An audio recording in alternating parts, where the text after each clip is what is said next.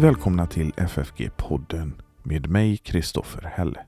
Idag så ska vi få lyssna till ett föredrag av professor emeritus Mats Eskhult som han höll på vår bibelkonferens i februari.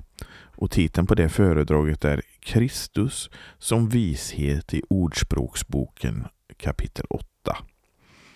Och är det så att man eh, vill lyssna på det eftersnack som vi har spelat in tillsammans med eh, Mats Eskult där jag och Timo Lato medverkar så kan man spola fram ungefär 47-48 minuter.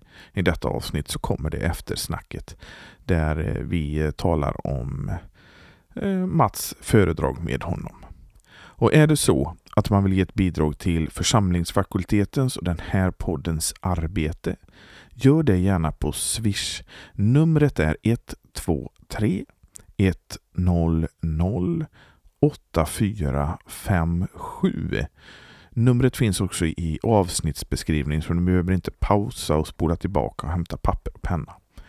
Så det finns i avsnittsbeskrivningen och på vår hemsida ffg.se där det också finns information som eh, om vad som händer på församlingsfakulteten. Bland annat senare i mars en bibelhelg om Jesajas bok.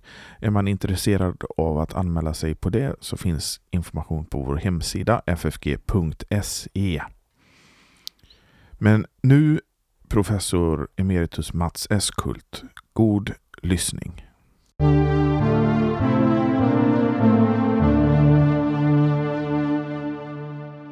Kristus som vishet i Ordspråksboken 8 är ämnet.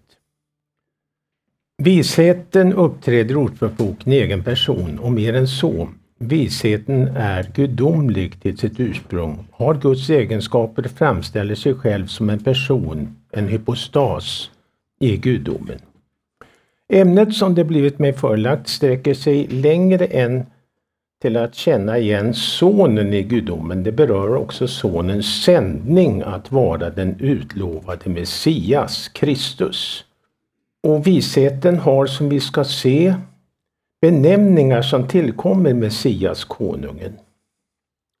Och Jesus visar att han utöver sin uppgift som den messianske kungen, profeten och prästen också är den gudomliga visheten. Och det understryks av hans apostlar och kyrkans tidiga lärare. Så först visheten i Ordspråksboken kapitel 1 till 9. Bland gudomliga attribut som uppträder i, som eget subjekt finns nåd och sanning, skäset och emet. Ett annat är kavod, ära, härlighet, som ju är skenet, det bländande skenet av Guds väsen som syntes vid Sinai och fyllde tabernaklet och bodde i templet. Men i gammaltestamentlig och apokryfisk vishetslitteratur är det framförallt den gudomliga visheten, chochma, som uppträder i egen person. Och då inte i poetisk utan i verklig bemärkelse. I Ordspråksbokens nio första kapitel möter den gudomliga visheten i gestalten av en kvinna. Och i bokens inledning träder hon fram, talar och förmanar i egen person. Sen ger oss noga anvisningar för tillämpningen av hennes förmaningar. Och till slut i åttonde och nionde kapitlet talar hon själv åter i egen person. Så först beskrivningen av visheten i kapitel 1, vers 20 22. Där står Visheten sjunger ut på torget. Där ljuder hennes röst. Högt ovan larmet ropar hon i stadens portar för hon ut sitt budskap. Hur länge ni lättledda ska ni älska godtrohet och ni smädare har lust i smädelse och ni dåraktiga att hata kunskap. Vänd om till min tuktan. Se, jag vill låta min ande flöda framför er. Jag vill låta er veta mina ord. Visheten talar här likt profeterna med gudomlig myndighet. Så gör ingen vanlig vishetslärare. Och det visar sig inte minst i varningen till de som avfärdar hennes inbjudan och inte vill ställa sig i hennes tjänst. När nöd och fasa drabbar dem som trotsar henne, då kommer de att ropa på hjälp, men utan svar. Visheten säger, då ropar de till mig, men jag svarar inte.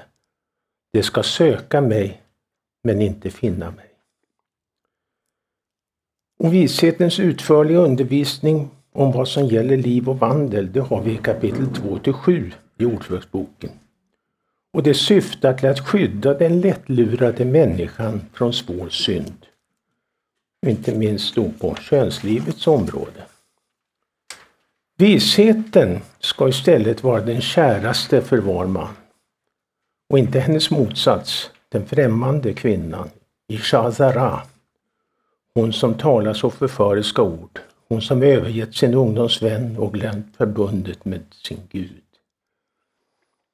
Vishetens förmaningar bör den gudfrukte alltid ha med sig. Det står Dessa får inte lämna dig. Bind dem vid din hals, skriv dem på ditt hjärtas tavla. Så visheten inskärper Ge akt på mina bud så får du leva. Bevara min lära som en ögonsten. Säg till visheten, du är min syster och kalla insikten din frände. Det handlar alltså om att fästa den gudomliga visheten till sig i ett andligt äktenskap. Själva ordvalet min syster leder tanken till Höga visan där bruden kallas just syster. Sedan i början av kapitel 8 så anknyter visheten åter till bokens inledning. Där står Hör! Visheten ropar och insikten låter höra sin röst. Uppe på höjderna längs vägen och vid stigarna står hon. Vid portarna till staden, vid ingångarna sjunger hon ut. Vad är det som visheten inskärper hos den lättlurade, dåraktiga människan? Hon uppmanar henne att lyssna. Ty hon har något förstligt att framföra. Hennes läppar yppar det som är rätt, munnen hennes talar sanning. Där finns inget förvänt eller falskt. Än mer, den gudomliga visheten intygar att hon besitter vad som behövs för ett gott styre i landet, nämligen etsa, råd, toshia, vett, bina, insikt och gevora, styrka. Hon betyder, hon betygar Råd och vett hör mig till. Jag är insikt. Hos mig finns kraft. Genom mig styr kungar och påbjuder furstar rätten. Tre av de här egenskaperna, insikt, råd och styrka, återfinns i beskrivningen i Jesaja 11 av den messianske konungen. Som därtill också äger vishetens ande, Ruach Chochma. Men i vishetens eget tal så motsvaras då Chochma av Toshia, som betyder klokhet och vett. Men vem är den gudomliga visheten? Så långt har visheten talat i profetisk kraft och styrka. Nu är det tid att hon presenterar sig och talar om vem hon är. Mot slutet av kapitel 8 beskriver hon sig själv och säger från vers 22. Herren hyste mig, Kanani, som förstlingen av sin väg före sina verk. Från då av evighet med Olam är jag insatt, Nisahti, av begynnelsen före jorden. När inga källflöden fanns föddes jag, Cholalti, när inga källor var fyllda av vatten förrän bergen grundlagts, Otbao, före höjderna föddes jag, Cholalti. Vi ser först att den gudomliga visheten är av evighet krönt till sin uppgift. Och det med samma verb som för Messias i Psaltaren 2.6 där det heter Jag har insatt Nasahti, min konung på Sion, mitt heliga berg. Verbet som används innebär att vigningen sker genom utgjutande av smörjelse. Två gånger sägs också att den gudomliga visheten är född före skapelsen av evighet. Det ger sammanhang mot verbet kana med innebörden äga, förvärva och här återgett med hysa, alltså Herren hyste mig som förstling av sin väg. Grundbetydelsen äga, förvärva är den som framträder i de semitiska systerspråken, etiopiska, arameiska, akadiska, medan ugaritiskan därtill uppvisar betydelsen alstra, avla. Betydelsen skapa, lika med frambringa ur intet, finns däremot inte hos verbet kana, varken i hebreiskan eller i systerspråken. Och i textstället här har de antika judiska översättningarna från 100-talet efter Kristus. Aquila, Symmachos och Theodotion. De är ju bara bevarade i fragment. De har verbet ktaomai, förvärva. Och i likhet med Vulgata, posidio, besitta, äga. Alltså att visheten först inte funnits till och sedan blivit skapad är i sammanhanget fullständigt uteslutet. Targumen och Beshitta, Targumen det är då den judiska översättningen från 200-300-talet efter Kristus och senare. Och Peshitta, den syriska bibelns översättning, 400-500-talet, har emellertid verbet bara, eller bura, då på arameiska. Och det är möjligen under inflytande utav Septuaginta, den grekiska översättningen från 200-talet före Kristus, som här brukar verbet ktitso, skapa, vilket i särskilt då knyts till Herren och hans skapelse, dock utan att utesluta en vidare innebörd. De grekiska myterna om världen, om vi då tar grekiskan som ett allmänt språk, det är inte bara för den Bibelns översättning utan rent allmänt, hur såg man på skapelsen i den grekiska världen? Ja, man kände ingen kreatio ex nihilo, skapelse ur intet. Någon form av materia tänks alltid ha funnits till som urämne. Men det finns ett antal textställen i Gamla Testamentet där det här verbet kana vetter åt innebörden skapa. Något som speglas i flera nutida bibelöversättningar. Trots att andra lösningar framstår som rimligare. Ett sådant ställe är Första Mosebok 14.19 där Melkisedek välsignar Abraham vid Gud den högste ägare konä av himmel och jord. Att det betyder äga trots att Septuaginta här har skapa. Det tycker jag framgår av att Abraham han inser vem som är den egentliga ägaren av himmel och jord. Melkisedek säger ju välsignad är du av guden högste, han som äger himmel och jord. Och det begriper Abraham, ja men då ska jag ju ge honom tionde utav krigsbytet i min ägo.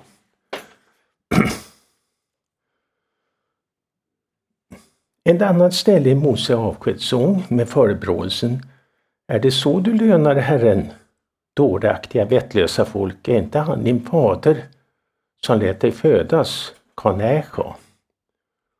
Och här ligger ju betydelsen avla nära den som är belagd i ugaritiskan. Men det ålderdomliga poemet i Andra Mosebok 15, där har Kanå, där ser vi Kana i en liknande vändning. Men då snarare i betydelsen vinna, vinna åt sig. Där står det i vers 16 Amzo kanita, det folk som du har vunnit åt dig. Så närmast skapa kommer kanske Psaltaren 139. Du skapade mina njurar, du vävde mig samman i min moders liv. Men då är det ju fråga om Guds fortsatta skapelse.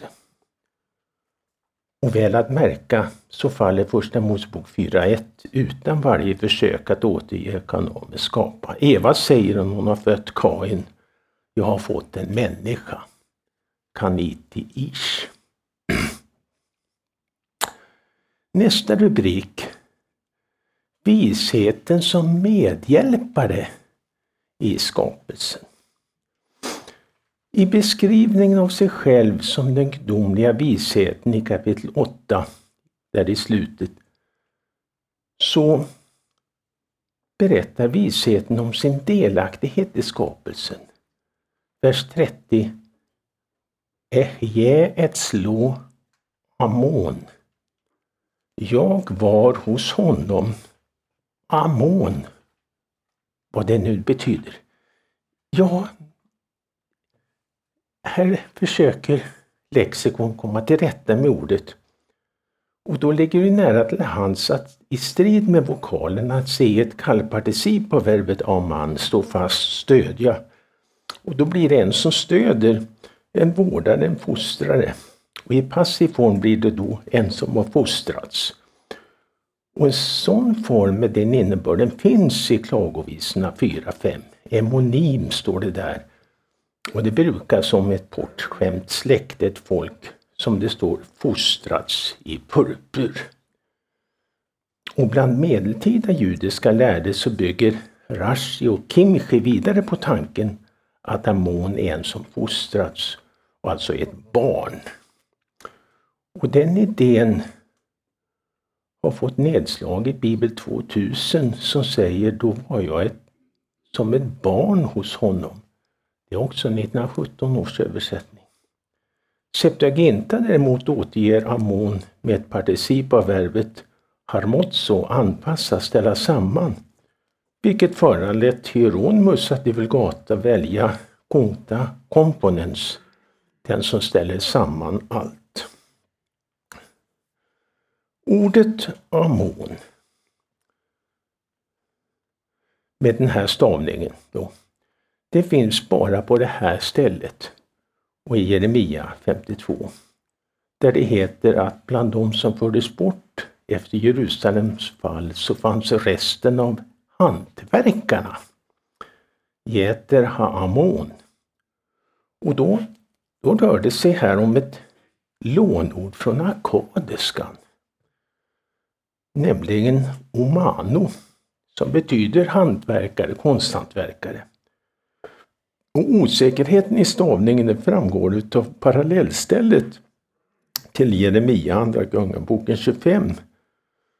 Och här, liksom i akadiskan, finns då inte alef med, utan den vokaliserade texten säger Jäter Heamon.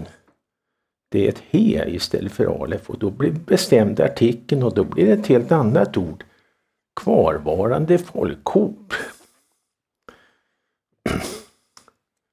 Men det här akadiska lånordet det finns i Höga Visan också. Och då som Oman. I sammanhanget där det står ett smycke ur en konstnärs händer. Och den efterbibliska hebreiskan har samma ord i formen Oman, hantverkare, Omana på syriska.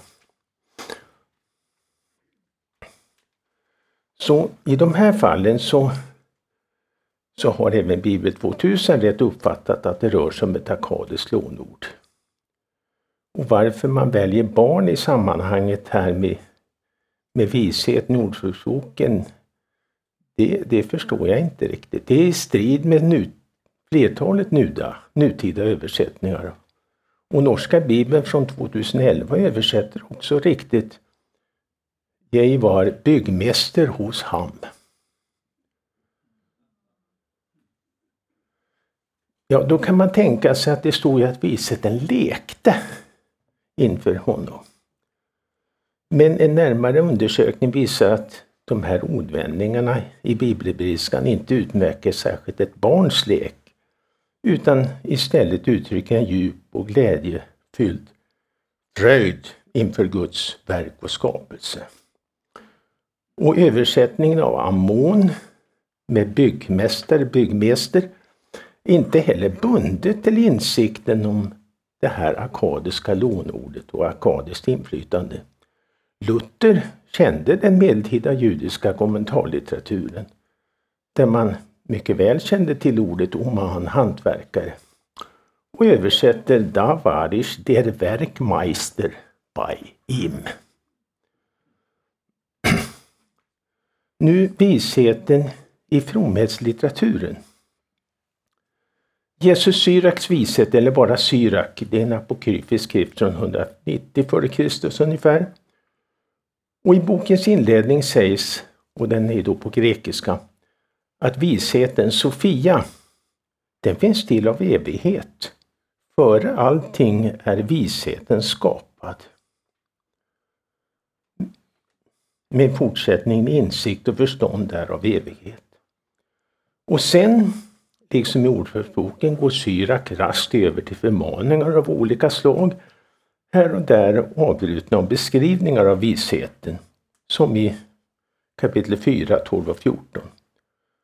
Den som håller fast vid henne får ärva härlighet, doxa på grekiska, Kavot på hebreiska, alltså det här strålglansen som utgår från Guds närvaro. Och de som tjänar henne gör prästtjänst inför den helige, står det. Visheten är alltså förbunden med Guds härlighet, hans särskilda närvaro.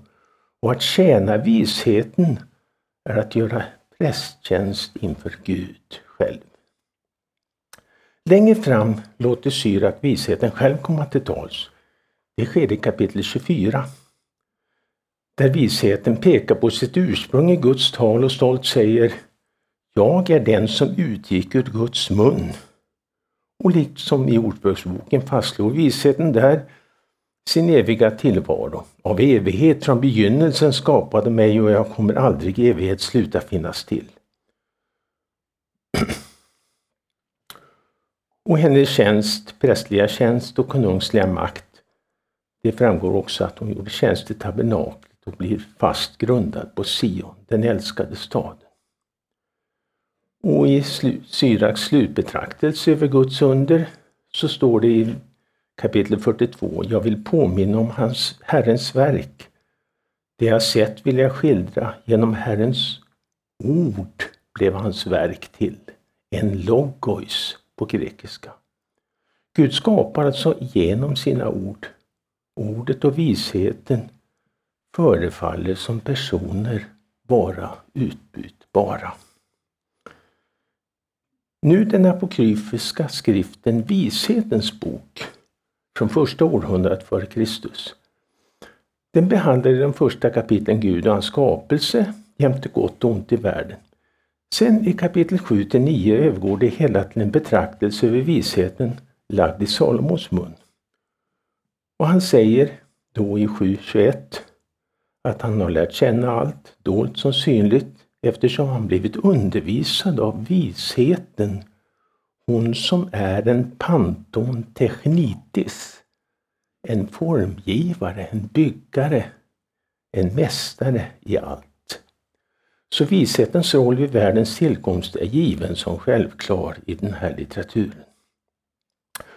Ja, i 7, 25, 26 säger Solmok om denna vishet.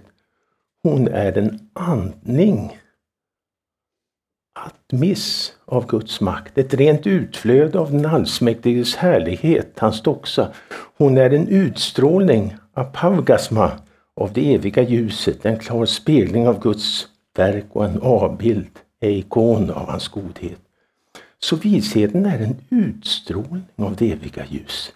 Det här gre grekiska ordet för utstrålning, apavgasma, det är lika unikt som i, i Septuaginta som i Nya Testamentet. Där det finns i Hebreerbrevet och heter om Sonen att han är utstrålningen av Guds härlighet. Så en tydlig förbindelse mellan det gudomliga ordet och visheten, det finns också i Vishetens bok 9.1-2. där Salomo säger Mina fäders Gud, nådens Gud som har skapat allt genom ditt ord, logos, och som genom din vishet, Sofia, danade människan till att råda över dina skapade varelser. Och sedan i det långa avsnittet om Israels historia, kapitel 10-19, så framställs också ordet som självständig utförare av Guds vilja. Det heter där att Gud sände plogor över Egyptens land genom, där står det, ditt allsmäktiga ord svingade sig från himlen, från kungatronen, ner i det land som skulle förödas. Så ordet är alltså allsmäktigt, pantodynamos, och kommer från himlen för att utföra Guds vilja. Nu kommer jag till visheten i evangelierna. I Ordspråksboken 9 så bjuder visheten in till en måltid. Hon bygger sitt, har byggt huset, hon och har huggit ut sina sju pelare, ställt till med slakt, blandat vin, dukat bordet och sänt ut sitt tjänstefolk för att kungöra från stadens överhöjder. Du lättledde, ta vi hitåt. Vi päti, jag stor henna. Inbjudan gäller en festmåltid. Kom och ät av min mat, drick av vinet som är blandat, lägg av med dårskapen så får ni leva. Men tyvärr finns också där en främmande röst. Det är dårskapens kvinna, Eshet Kuselut, högljudd och omdömeslös. Också hon ropar folk till sig. Du lättledde, ta av hitåt. Och till den oförståndige säger hon, stulet vatten är gott, bröd i lönndom är ljuvligt. Och denne vet inte att där lurar dödens skuggor, att hennes inbjudna snart är i helvetets djup. Men likheten mellan vishetens inbjudanden och liknelsen om den stora måltiden i Lukas 24 är påfallande. Där berättar Jesus om en man som bjöd till fest. När tiden var inne sände han ut tjänstefolk. Kom, nu är allt färdigt, men de anmälde alla förhindra och gav av olika skäl återbud. Då sände han sina tjänare till stadens gator och gränder för att bjuda alla som ingen räknade med, fattiga, vanföra, blinda, loma. Och till slut sände han ut sina tjänare för att på vägar och stigar hämta folk för att fylla hans hus. Men de som först var inbjudna hade förspilt tillfället. Budskapet är andlig dårskap har ett fruktansvärt pris. Det är svårt att inte se likheten mellan Ordspråksboken 9 och Jesu liknelse. Men inte bara i liknelser utan även helt öppet gör Jesus tydligt att han själv är Guds vishet. Herr Sofia Totio. Och det gör han när han till fariseerna säger, därför också Guds vishet sagt, jag sänder till dem profeter och apostlar, men en del av dem skall de döda och förfölja. Och en annan gång är när han med orden vishetens gärningar har gett visheten rätt, vill säga att han och Johannes döparen båda fullgör den gudomliga vishetens syfte, fastän till det yttre så olika. Visheten hos Jakob och Paulus får kanske någon att höja ögonbrynen. Men förkunnelsen av Guds vishet är väsentlig för Jakob och Paulus mer än framgår av, som framgår av kommentarlitteraturen. Vishetens bok och Syras bok var välkända bland judar i den västliga diasporan och i Palestina. Fynden i Qumran visar att antik judendom närde ett fortsatt intresse för denna typ av text. I Qumran har man i pragmatiskt, fragmentariskt skick funnit vishetstexter med handfast levnadsvisdom men bland fynden finns också en text om förförerskans konster. Hon som kallas den främmande kvinnan i Ordspråksboken. Och även en text tillägnad den personifierade visheten och dennes lov.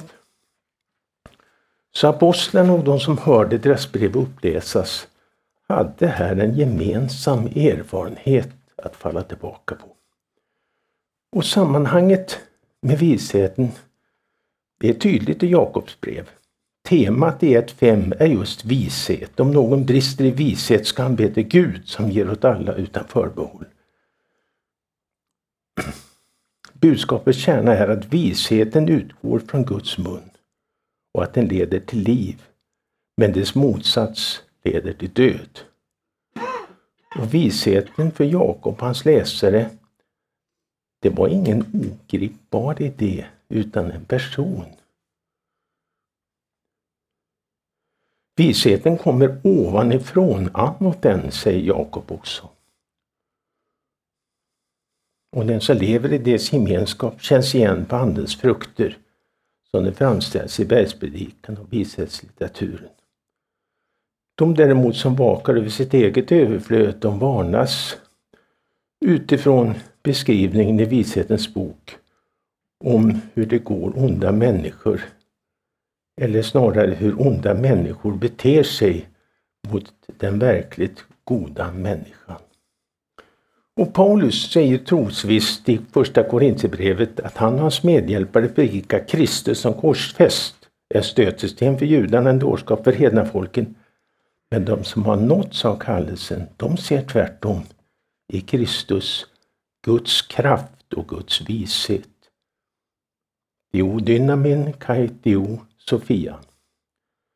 Paulus talar här om Guds vishet på ett sätt som gör att Guds frälsningsplan blir något mer än en djup och fördold tanke. Han förkunnar Guds vishet, den hemligen, den i hemligheten dolda, den som världens makter aldrig känt. Ty hade de känt den så hade de aldrig korsfäst härlighetens Herre tonkrion, tonkyrion testoxes. Guds vishet har tagit gestalt i människan Jesus Kristus som utstrålar Guds egen, Herrens egen härlighet. Visheten och lagen. Guds ord, davar, det förbinds naturligt med budorden för de kallas just de tio orden. Så Gudsordet, det finns alltså i den i lagen givna undervisningen. Om nu ordet utgår från Guds mun, ja då bör ju också lagen ha funnits hos Gud före skapelsen. Och den här tanken föddes tidigt, att lagbudet är evigt. Och i Ordspråksboken förmanas också eller den gudomliga visheten förmanar jakt på mina bud så får du leva. Bind dem vid dina fingrar, skriv dem på ditt hjärtas tavla. Och det här är ju förmaningar som är påfallande lika det välkända Du ska älska Herren din Gud av allt ditt hjärta, av hela din själ och av din kraft med påföljande befallning att orden ska läggas på hjärtat och knytas vid handen. Och följaktligen likställer Syrak i slutet av 24 kapitlet visheten med Guds lag. Han säger uttryckligen att allt som sagts om visheten, att hon utgått ur Guds mun, funnits av evighet, från början bodde i höjden och sökte vilostad på jorden och till slut fann den i Jakob. Allt det gäller Guds lag. Så han säger sammanfattande, allt detta finns i Guds den högstes förbundsbok. Biblos diatekes, den lag som Mose ålade oss och gav i arv åt Jakobs församlingar. Därmed är också sagt att visheten som efter långt sökande fann säte i Israels gudstjänst och styre faktiskt sammanfaller med den av Mose givna lagen. Och den rabbinska litteraturen ger också åtskilliga prov på föreställningen att lagen Torah är preexistent när Gud skapade världen rådfrågade han Torah och den blev det arbetsredskap, den plan eller blåkopia med vilken Gud som den kosmiska arkitekten skapade universum. Att visheten är liktydig med Mose lag är sannolikt också skälet till att visheten inte uppfattas som egen person i rabbinsk judendom. Nu kommer jag till Johannesprologen. Och det särskilda med Johannes inledning det är, ja, vi kan orden, i begynnelsen var ordet, ordet var hos Gud, ordet var Gud. Det är inte ordets förut tillvaro. För det finns belagt på andra ställen i Nya Testamentet. Utan det är den omedelbara förbindelsen mellan preexistensen och människoblivandet av den så som ordet fattade frälsaren. Men hur kommer det då sig att logos-ordet som benämning på sonen så helt överskuggar visheten, Sofia i Nya Testamentet? Ja, det råder numera ingen oenighet utan snarare en enighet om att svaret inte står att finna i något inflytande från den spridda stoiska läran om ett allt behärskande världsförnuft som så att säga blivit förkroppsligat i Kristus. För ett sådant världsförnuft är opersonligt och det uppträder inte som egen självständig person och absolut inte som en person i gudomen. En annan förklaring är att tagumerna brukar arameiskans memra som förmedlande led när Gud trädde människan till mötes. Genom att foga in memram betonas det överjordiska, transcendenta hos Herren Gud.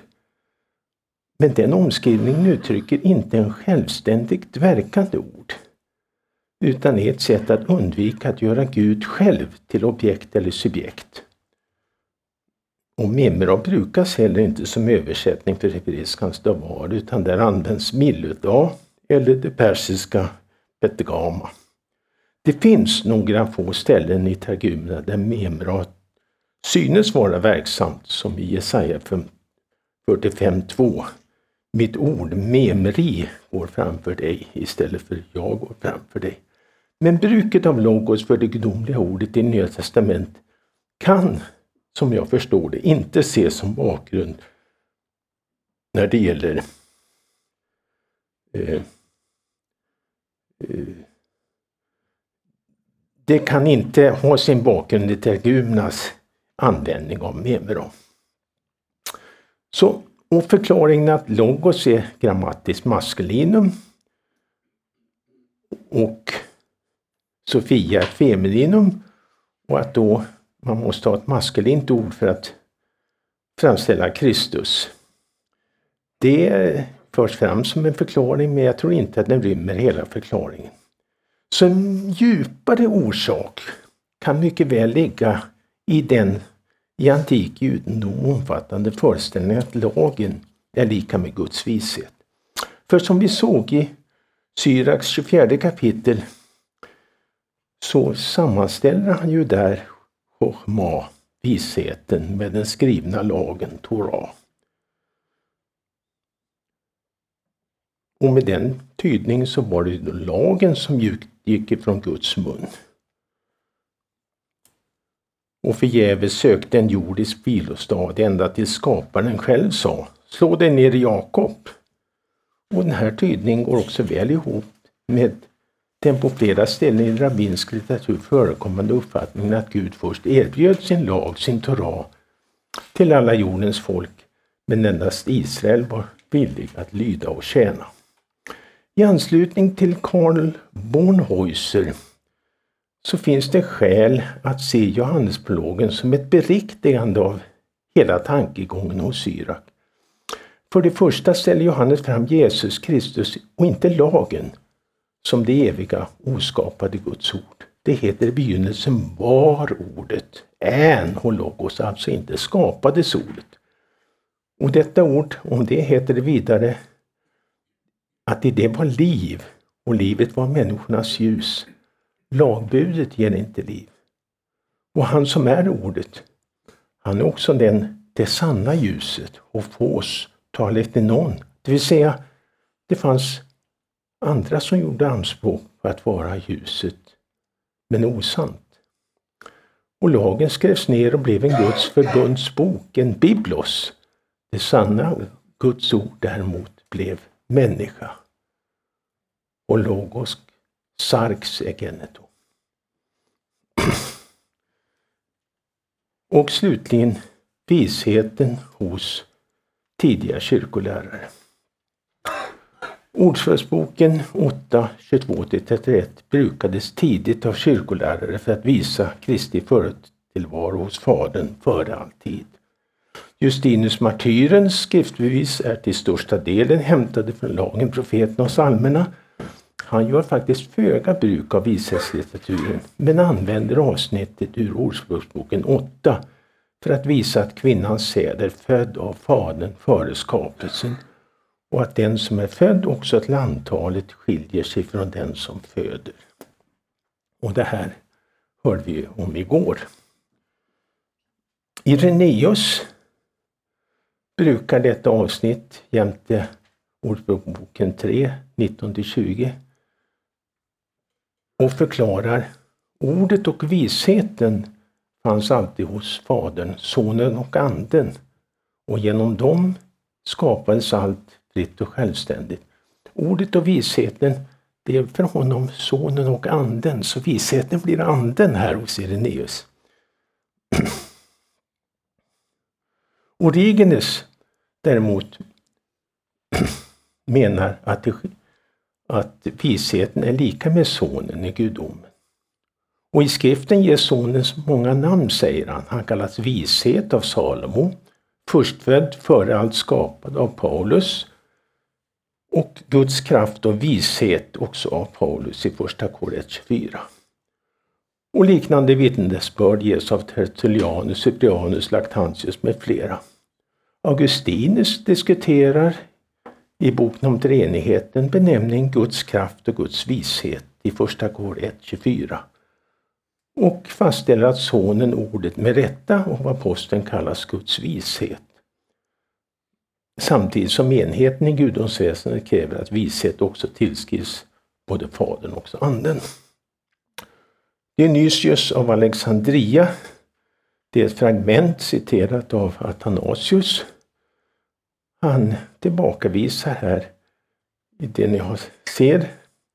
Det finns inte en falsk uppfattning om sonen som just är grundad i Septagintas återgivning. Herren skapade mig. Utav Ordboken 8.22 Kyrios ektisen Omkring 320 började Arius, en presbyter i Alexandria, att lära att ordet inte var av samma väsen som vana, att sonen var skapad och inte av evighet. Och utgångspunkten för den villoläran var tolkningen av Ordspråksboken 822. De rättroende kyrkolärarna ägnar mycket kraft åt att förklara att visheten är lika med sonen av evighet född av Fadern. Och här har vi grunden till ordalydelsen i den svenska trosbekännelsen. Vi tror på Jesus Kristus, Guds enfödde son, född av Fadern för alltid, Gud av Gud, ljus av ljus, sann Gud av sann Gud, född och icke skapad av samma väsen som Fadern. Så kyrkofäderna visste att inget enskilt bibelställe får resa mot skriftens samfällda vittnesbörd. En enda vers kan inte göras till norm för hur andra, alla andra utsagor skall tolkas. Då stannar jag där.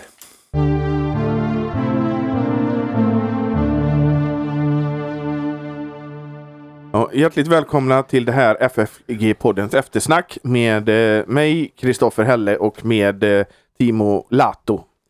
Och eh, vi har med oss Mats Eskult som precis har hållit sin eh, föreläsning här på bibelkonferensen med, med temat Kristus som vishet i ordspråk, Ordspråksboken 8. Välkommen Mats! Tack! Kan du presentera lite vad du, ditt föredrag gick ut på? Ja, mitt föredrag var ju att tala om just Ordspråksboken 8 och visheten såsom Guds ord. Men också då Guds ord som Kristus och och eh, den utlovade Messias och vad det då betyder. Hur eh, visheten utvecklas i den apokryfiska fromhetslitteraturen och sedan att man ser spår utav det i Nya Testamentet att Jesus säger själv att han är visheten. Det syns i, i liknelser och även hos Paulus och, och Jakobs brev.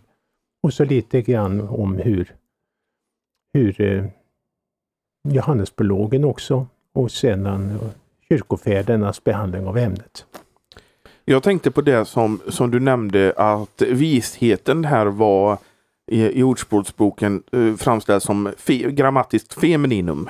Ja, chochma är femininum. Mm. Vad, vad, vad, betyder det?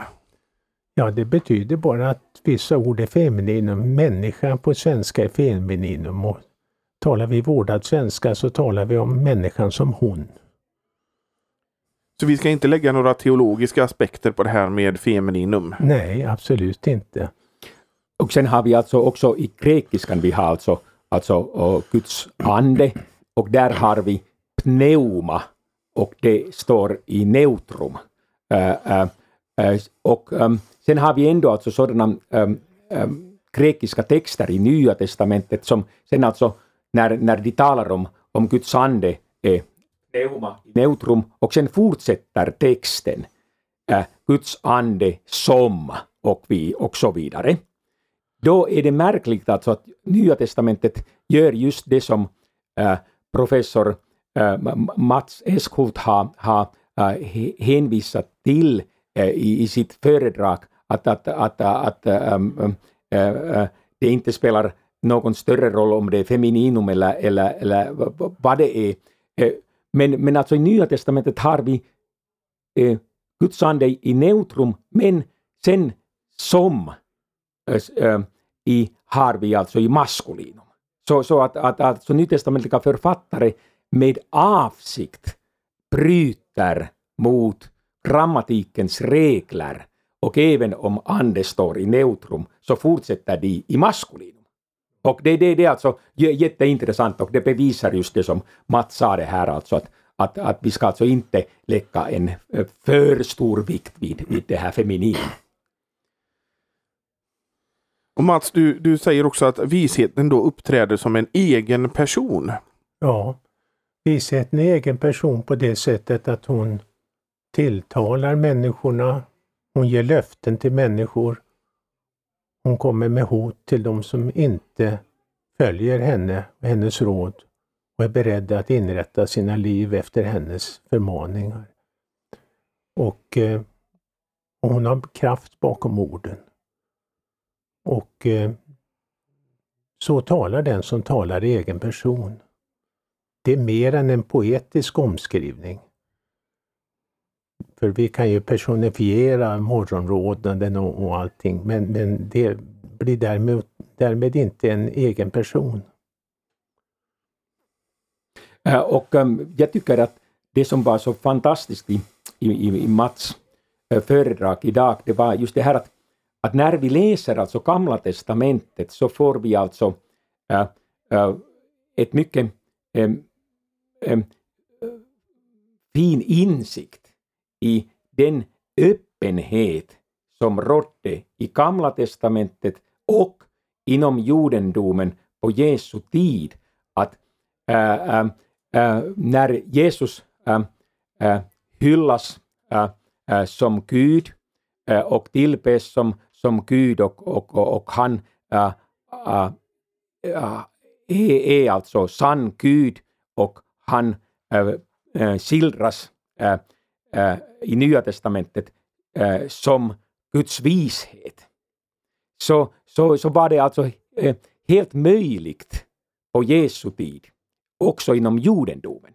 Men sen, sen kan vi märka, märka alltså att, att judendomen med tiden blev eh, snävare och snävare och, och, och, man liksom kan nästan ana och gissa att, att de, de, de, de ville på något sätt alltså utesluta alla sådana uh, uh, Äh, tolkningar och, och eh, idag säger till exempel synagoga nu, om vi talar om, om dessa relationer mellan synagoga och kyrka, synagoga ofta talar om att, att det är liksom omöjligt att bekänna sig till Jesus som Gud om man vill vara en riktig jude. Men så var det faktiskt inte eh, på Jesu tid. Utan just som Mats föredrag visar att, att vi har denna rika gammaltestamentliga bakgrund och, och eh, inom ramen för Gamla testamentets eh, synpunkter var det helt möjligt att äh, dyrka äh, Jesus som, som äh, Guds vishet, som äh, alltså är av samma väsen som Gud. Ja, jag vill bara tillägga att när ser i Apostlagärningarna att de som kommer till tro av apostlarnas predikan, de övergår ju inte till en ny tro, de inser bara innebörden av den tro de redan har. Ja, det, det är jätteintressant det här. Ja.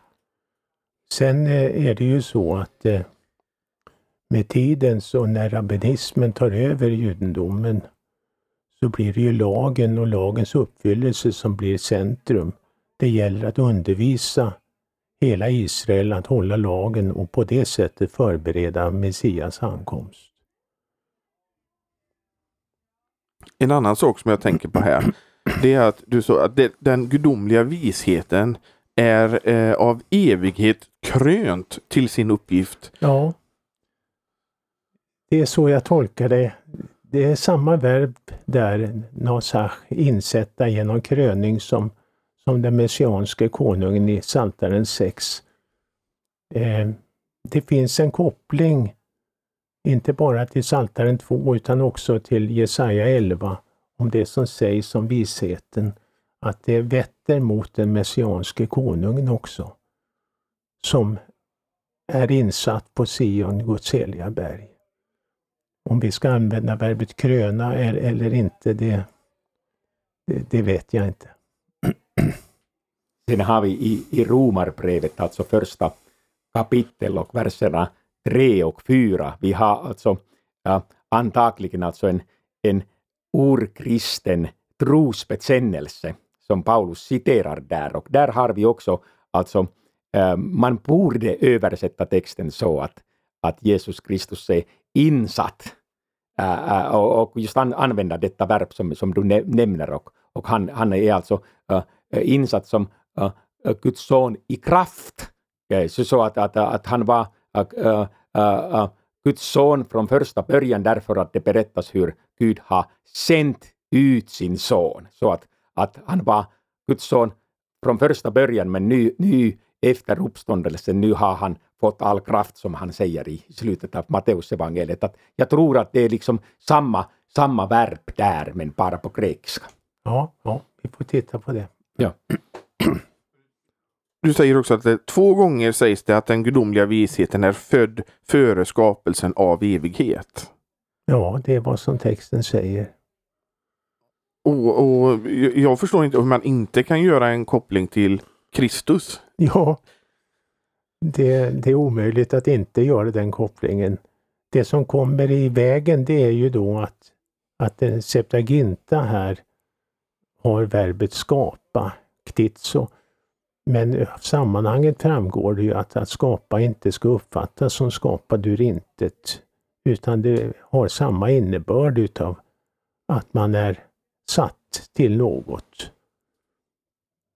Verbet kan ju också betyda grundlägga, bygga, anordna och så.